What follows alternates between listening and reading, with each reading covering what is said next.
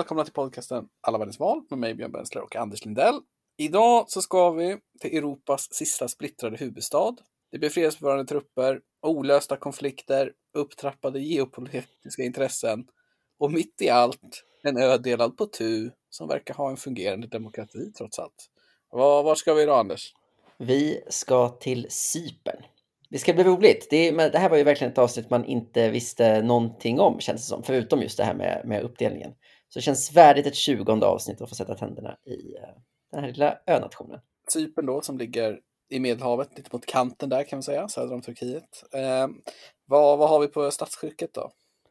Det är en eh, presidentiell eh, republik, så att det är alltså presidenten, presidenten bestämmer alltså om över regeringen helt och hållet, så att, och det, presidenten är redan vald, så att nu så ska vi till parlamentsvalet som alltså avgör eh, hur de förhållandena kommer se ut. Ja.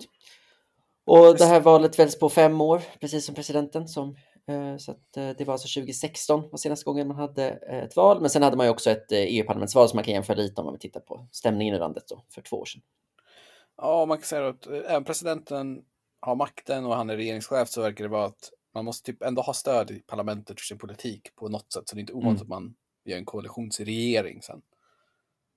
Just det, så att det skulle kunna uppstå någon slags regeringsombildning här efter valet. Ja, om, om majoritetsförhållandena kastats om ordentligt. Men jag tror inte att man kan byta regeringsbildare. Men...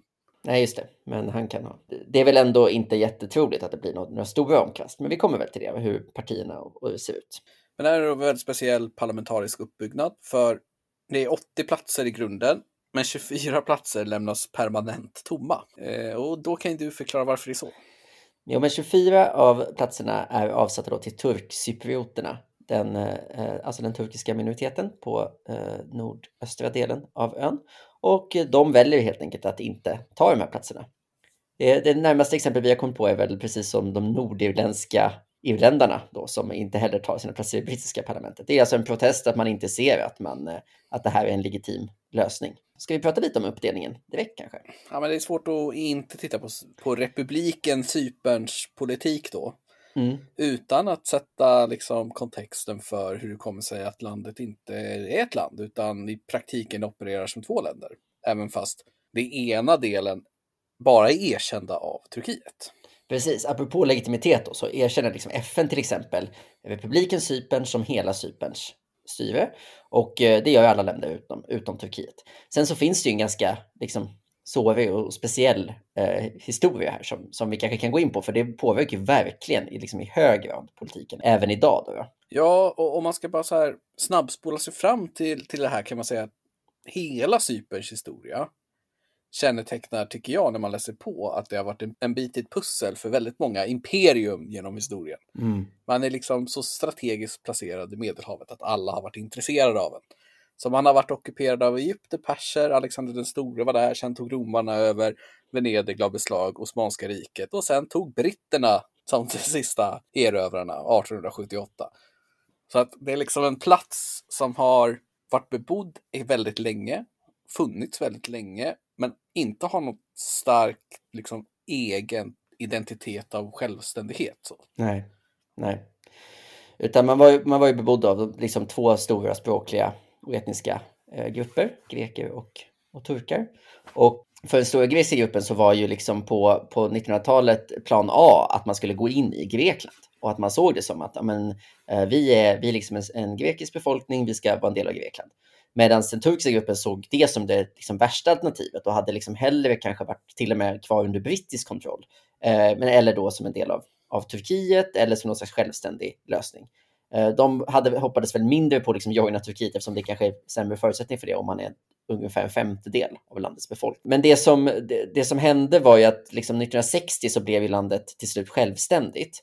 Uh, och, och, där hade man ju lite luddig självständighetsrörelse eftersom ingen riktigt tyckte att självständighet var det bästa alternativet. Grekerna ville vara en del av Grekland, turkarna ville vara en del av Turkiet och britterna ville väl egentligen ha kvar Cypern. Men fattade väl att inte, stämningen i världen blåste väl liksom inte riktigt åt det hållet, att det var möjligt. Nej, de, hade ju, de höll på att nedmontera sitt imperium där och det är ju liksom 1950 som är årtalet, eller hur? Där ja. det liksom börjar bränna till med revolter och revolution. Och det är ju då Storbritannien har ett annat område i Mellanöstern som Israel-Palestina idag. Som, där är det ju 1948 som Mm. det börjar springa iväg. Så det är ju, de här sakerna sker ju samtidigt och det handlar ju om liksom tillbakadragandet av det brittiska imperiet och hur saker ska hanteras då. Mm. Men jag vill, jag vill nämna en person då som, som eh, eh inte är så aktuell idag, men som ändå är talande för Cyperns liksom, utveckling. Eh, och det var biskopen över Cypern, Makarios den tredje. Han tjänade som någon slags liksom, enande kraft och ledare för landet från 50 då han blev biskop till 60 då han blev landets första eh, president. Det är ju bara det en ganska ovanlig sak att man väljer en, en religiös ledare som politisk ledare. Eh, och han var en del av från början av den här, det som, som kallas enosis, alltså, den, alltså att man skulle gå in i Grekland. Eh, och liksom trodde på det väldigt mycket. Men efter lite snack med, med grekerna och efter lite liksom att de hade läst av läget så såg man det som en väldigt svårgenomförd lösning. Alltså helt enkelt britterna och turkarna skulle inte gå med på det. Så istället i liksom en lång krånglig process eh, skrev man istället en i efterhand ganska hånad konstitution där man liksom, ja, men verkligen detaljerat försökte lösa ut varenda enskild fråga och ha massa små liksom, krångliga kvoteringsregler och sånt där för att göra alla nöjda på etnisk grund då. Och 1960 blev landet fritt. Eh, Makarios blev president och blev allt mer en liksom förespråkare för självständighet snarare än eh, att det skulle vara ett grekiskt Cypern. Eh, Så han fick istället motsatta problemet. Från att ha kanske Turkiet som sin motsats så fick han istället Grekland. Där liksom, eh, Grekland blev, fick en militär diktatur på mitten på 60-talet. Och de ville ju ha liksom Cypern som en del av sitt Storcypern. Och det gjorde att eh, Makarios till slut avsattes av en grekisk stödd statskupp på 70-talet som försökte in, liksom, ta in Grekland i Cypern. Eller ta in Cypern i Grekland. Och det fick då som reaktion att Turkiet invaderade eh, Cypern för att stoppa detta. Och eh, det skapade den situation vi har idag. Liksom. Eh, världssamfundet försökte väl liksom lugna invasionen. Eh, och sen så liksom vred man tillbaka läget liksom ett halvt eh, steg. Så att eh, Makarios blev president igen och var det till sin, till sin död. Men eh, läget är fortfarande som om man, man står där 74 i en olöst väpnad konflikt med ett enda land som, som tycker att liksom, Cypern är delat och alla andra som tycker att det är enat. Eh, Den grekiska militärjuntan faller väl också som en konsekvens av det här fiaskot. Det var ju en riktig flopp, det styret. De var Ja. revanschister som skulle ta tillbaka grejer från Turkiet och så förlorade man allt istället. Och då kan man ju säga att det är då 1974 som det sker en omstrukturering. Nu pratar vi om att den norra delen är den del som är turkcypriotisk, men så Mm. var det ju inte då. De bodde ju överallt, granne med varandra över hela landet i stor utsträckning. Utan Mm. omplaceringen av människor skedde ju i samband med det här. Att Mm. de som var turkcyprioter och större utsträckning muslimer flyttade till den norra delen eller fördrevs till norra delen och vice versa. Så Mm. att, att det är norr och söder nu och att de bor som de gör, det är ju liksom mer av en ny konstruktion. Mm, just det. Men, och, det är, och det är en otroligt det är stor ingen, om vi ska omflyttning. uttrycka oss slarvigt så är det ingen, för det finns ju ingen naturlig fördelning av människor någonstans. Nej, Men det är nej. inte en, här är det en väldigt konstruerad sak att påstå att det är en naturlig split mellan en nord och sydcypern. Den finns inte. Den är ju helt artificiell som jag förstår det. Och eh, än idag då så är ju, så liksom, det är ungefär tusen liksom, FN-soldater stationerade på Cypern som då vaktar den gröna linjen som går mellan, genom Nicosia, huvudstaden. Det verkar vara väldigt lugnt dock, eller hur? Jo, det, det, är, väl, det är väl väldigt lite sällan de gör och det. man Inte. kan väl säga att det bor ungefär 1,1 miljoner på Cypern idag. Och Ja, vad är det, 300 000 bor i den turkiska delen. Ja, precis. Exakt, en femtedel ungefär.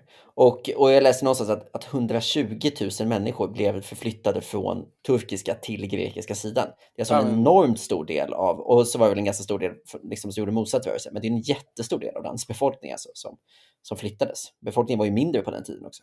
Gränsen stängde ju till rejält, så det var väl typ 2003 eller någonting som man öppnade i just huvudstaden en gränsövergång. Så att folk kunde resa mellan liksom, delarna fritt. Som jag förstår, jag läste en artikel, så de mest historiskt traditionella muslimska platserna, alltså moskéer och så, de ligger på den södra delen av ön. Så nu åker folk Mhm. dit på storhelgerna Mm. och besöker det igen. Och sådär. Mm. Men eh, skitsamma, vi går vidare. Det är sen 74 sprickor helt enkelt då, två delar. Och sen kommer man fram till Kofi Annans plan, Annan-planen, som är det senaste verkligen seriösa försöket att ena ön på något sätt. Eftersom det ändå gick så långt att man hade ett förslag som man presenterade i en folkomröstning. Och det var då 2004. Och då presenterades förslag som egentligen är någon slags en federal lösning då med två väldigt självstyrande delar på något sätt. Mm. Två självstyrande delar men som ändå har någon slags eh, senat som styr alltihop. Ja, och en president och grejer så. Men mm. 65 procent av den turkiska delen röstade ja till det förslaget, men bara 24 procent av den södra delen. Så att det blev ganska tydligt och eftersom det var många fler på söder så var det klar, klar majoritet av hela ön som röstade nej till det här eningsförslaget. Då kan man säga att vi snart kommer komma över på att av de stora politiska partierna inom republiken Cypern så stödde DISY, som är det stora borgerliga partiet, de stödde officiellt planen. Och eh, det oppositionspartiet, eller det stora vänsterpartiet som nu är oppositionsparti, AKEL, var emot förslaget i, vid valurnorna. Så det är liksom, det finns också ett partipolitiskt inslag i, mm. liksom, just kring Annan-planen. Ska vi gå in då på, på partierna? Om vi börjar med de här DISY, eller Democratic Rally brukar de översättas på, på engelska. Det är då det stora borgerliga partiet som idag eh, innehar eh, också presidentposten. Vad kan du berätta om det? Ja, det är ju då det konservativa borgerliga partiet, 30 procent i förra valet, så det är ju inget megaparti på det sättet. Och 18 platser då. De vann presidentvalet de två senaste gångerna via en man som heter Nikos Anastadiades. Och han har vunnit typ i andra presidentvalsomgången båda gångerna och med det så här 55 procent plus, så här ingen ingen älskad politiker vad det verkar. Och i båda de här tillfällena så har han mött kommunistpartiets eh, kandidat i en runoff. Just det. Eh, men de är ju liksom EU-vänliga, har ju varit väldigt viktigt då. Det var ju de som drev på att man skulle in i EU, väldigt viktigt. Liksom, det är ju en väldigt stor förändring. Och så var man ju för Annan-planen också. Så att min känsla är att det här är det statsbärande partiet. Liksom. Just det. Och sen det andra stora partiet är ju, ja, det, det är väl rättvist att beskriva som kommunistpartiet, Akel. Ja, det, i Europas politiska kontext så är det nog det största parti som är riktigt vänster. Mm. Eh, och de har väl, de har ju haft liksom presidentposten också, men, men fick väl sig en stor törn under liksom finans och eurokrisen, vad jag förstår. Och att det är liksom där man började tappa eh, en, den starkare positionen man hade då. Ja, precis. Det hade de. de hade ju oturen att ha presidentposten då, kan säga. ja. eh, så, att, så att de tappade liksom lite ledare, alltså liksom kanske ledare de hade haft länge som fick avgå och så under de här, under de här åren. Så att, eh, är väl lite försvagade, men fick i förra valet typ 26 procent, eller 26 procent, och det ser väl ut att de landar ungefär där. Eh, det, vad man kan se på liksom de liksom aggregerade mätningarna är ju att läget ser ju ändå ut att fortsätta vara hyfsat stabilt. Den stora liksom trenden opinionsmässigt är ju att DISY har liksom långsamt, långsamt liksom tappat väljare det senaste året. Och så handlar det väl lite om, alltså de var uppe och nosade på 40 procent och så tidigare. Så handlar det väl om hur mycket gör de det? Kommer de kunna behålla en så pass liksom, trygg ledning som det största partiet att de ändå kan regera vidare i lugn och ro? Det här valet avgör ju inte hur regeringen kommer se ut, för det har ju redan avgjorts av presidentvalet, men det kan avgöra hur väl regeringen kan funka. Eh, ska vi nämna liksom lite av de, de, mindre partierna så finns det ju ett eh, parti som heter DICO, som heter, alltså Democratic Party översätts det ofta. Eh, och de, jag ser att de, deras EU-grupp är liksom den socialdemokratiska gruppen, men de beskrivs också så ofta som någon slags liberalt parti. Så det är väl någon slags liksom, vänsterliberaler. Ja, jag har ingen koll på dem. De har inte stuckit ut för mig. Jag har, fått, jag, jag har, jag, kommunisterna stack ut för mig här. De andra ja. känns lite, lite mellanmjölk. Och sen så finns det, finns, det finns ganska många liksom 5-6 procents partier. De jag tycker man kan nämna som ändå har vuxit mycket i, i mätningarna sedan, de senaste, sen det senaste valet. Det är det gröna partiet och det eh, nationalistiska partiet. Eh, det som är intressant med liksom, nationalister i det här fallet är ju att det finns ju inga nationalister som egentligen vill att landet de är nationalister i ska ha en, eh, Eh, en större liksom självständighet eller särprägel på sätt, utan det är ju ofta att man då är nationalist å ett annat lands vägnar. Så att ELAM, det är liksom extremhögerpartiet, det är ju liksom Gyllene Grynings systerparti, alltså det grekiska extremhögerpartiet. Och, eh, och de är väl liksom grekiska nationalister mer än vad de liksom tycker att Cypern har en så härlig särprägel. Det man kan säga som är en långsiktig trend i cypriotisk politik är ju att de här två stora partierna, Dissi och Aker, ändå är långsamt på nedgång. Mm. Att de kanske brukade ha typ 35 procent av rösterna eller på ett bra val hade de 35 och på ett dåligt hade de 31 och så. Och nu är de ju nere på att på ett bra val har de 30 och på ett dåligt val har de 25. Så, Just det. Mm. och, och, och den trenden verkar ju fortsätta här att mätningarna har de liksom mellan 30 och 25 snarare än uppe högre. Och det gör ju att man liksom får en situation där de successivt blir liksom mindre. Och då blir ju, vad säger man liksom, att de mindre partierna växer ihop liksom. Så det blir ett, liksom, man kan säga att det blir gradvis också ett mer och mer splittrat eftersom man får liksom fler och fler jämnstora partier istället. Och någonting om, om frågorna då, så kan man, jag, jag, jag var inne på både eh, Gröna partiets och de här Elams hemsida för att kolla lite vad som, de här, om de ändå är små växande partier, vad är det som de driver liksom? Ja, vad är det som händer? Det verkar finnas ändå en ganska stor coronakritik. Eh, det finns väl i alla länder. Som sagt, lite långtråkigt med den, den debatten. Men där har jag en bild att Cypern har haft ganska drastiska åtgärder. Att de har använt sig av ett, liksom, någon slags um, eh, liksom individbaserat övervakningssystem för att hålla folk inne och sånt där. Som har varit ganska ifrågasatt. Och eh, Elam, då extremhögerpartiet, de pratar ju mycket om att eh, coronarestriktionerna gör att folk inte kan gå i kyrkan. Medan eh, det gröna partiet mer har sett till liksom just de här allmänna individens frihets det är inte för att de har typ så här mer behov av att få ordning på det för att det är en väldigt turistberoende ekonomi. De har, de har turism, jordbruk och en shady as fuck banking sector som sina intäktskällor. Om man får uttrycka det milt. Då. De har ju varit i, i, centrum för flertalet internationella pengatvättsskandaler, mycket via ryska pengar helt mm. enkelt. Vad beror det på Björn? ja, det beror ju delvis på att många, många grekiska kommunistpartier funktionärer har varit, varit utbildade i Moskva genom åren. Så ryssarna har ju bra connections på Grekland. Men sen är det ju också att det bara liksom är många av de här små nationerna inom EU, jag vet inte varför det är så, har ju en tendens att ha stora banksektorer. Och, mm. För att det är liksom en väg in i resten av Europa. Det är ju liksom samma för Malta och Luxemburg och men i Cypern, den senaste stora skandalen, då är det ju fokus på ryska pengar. Och mm. eh, Hugo Chavez pengar tydligen. Det är det. den typen av grejer. Och finanskrisen var ju väldigt hård mot Cypern och de fick splitta upp en av sina största banker som liksom gjorde sin så här, man brukar ju dela upp dem i en dålig bank som man sen dödar och sen en som överlever. Och man konfiskerade även sparkonton över en viss mängd tog man 45 procent av pengarna och väldigt mycket. Så det var väldigt hårt. Liksom. Turismen är ju också jättestor och det finns ju ingen turism nu under corona. Nej, just det.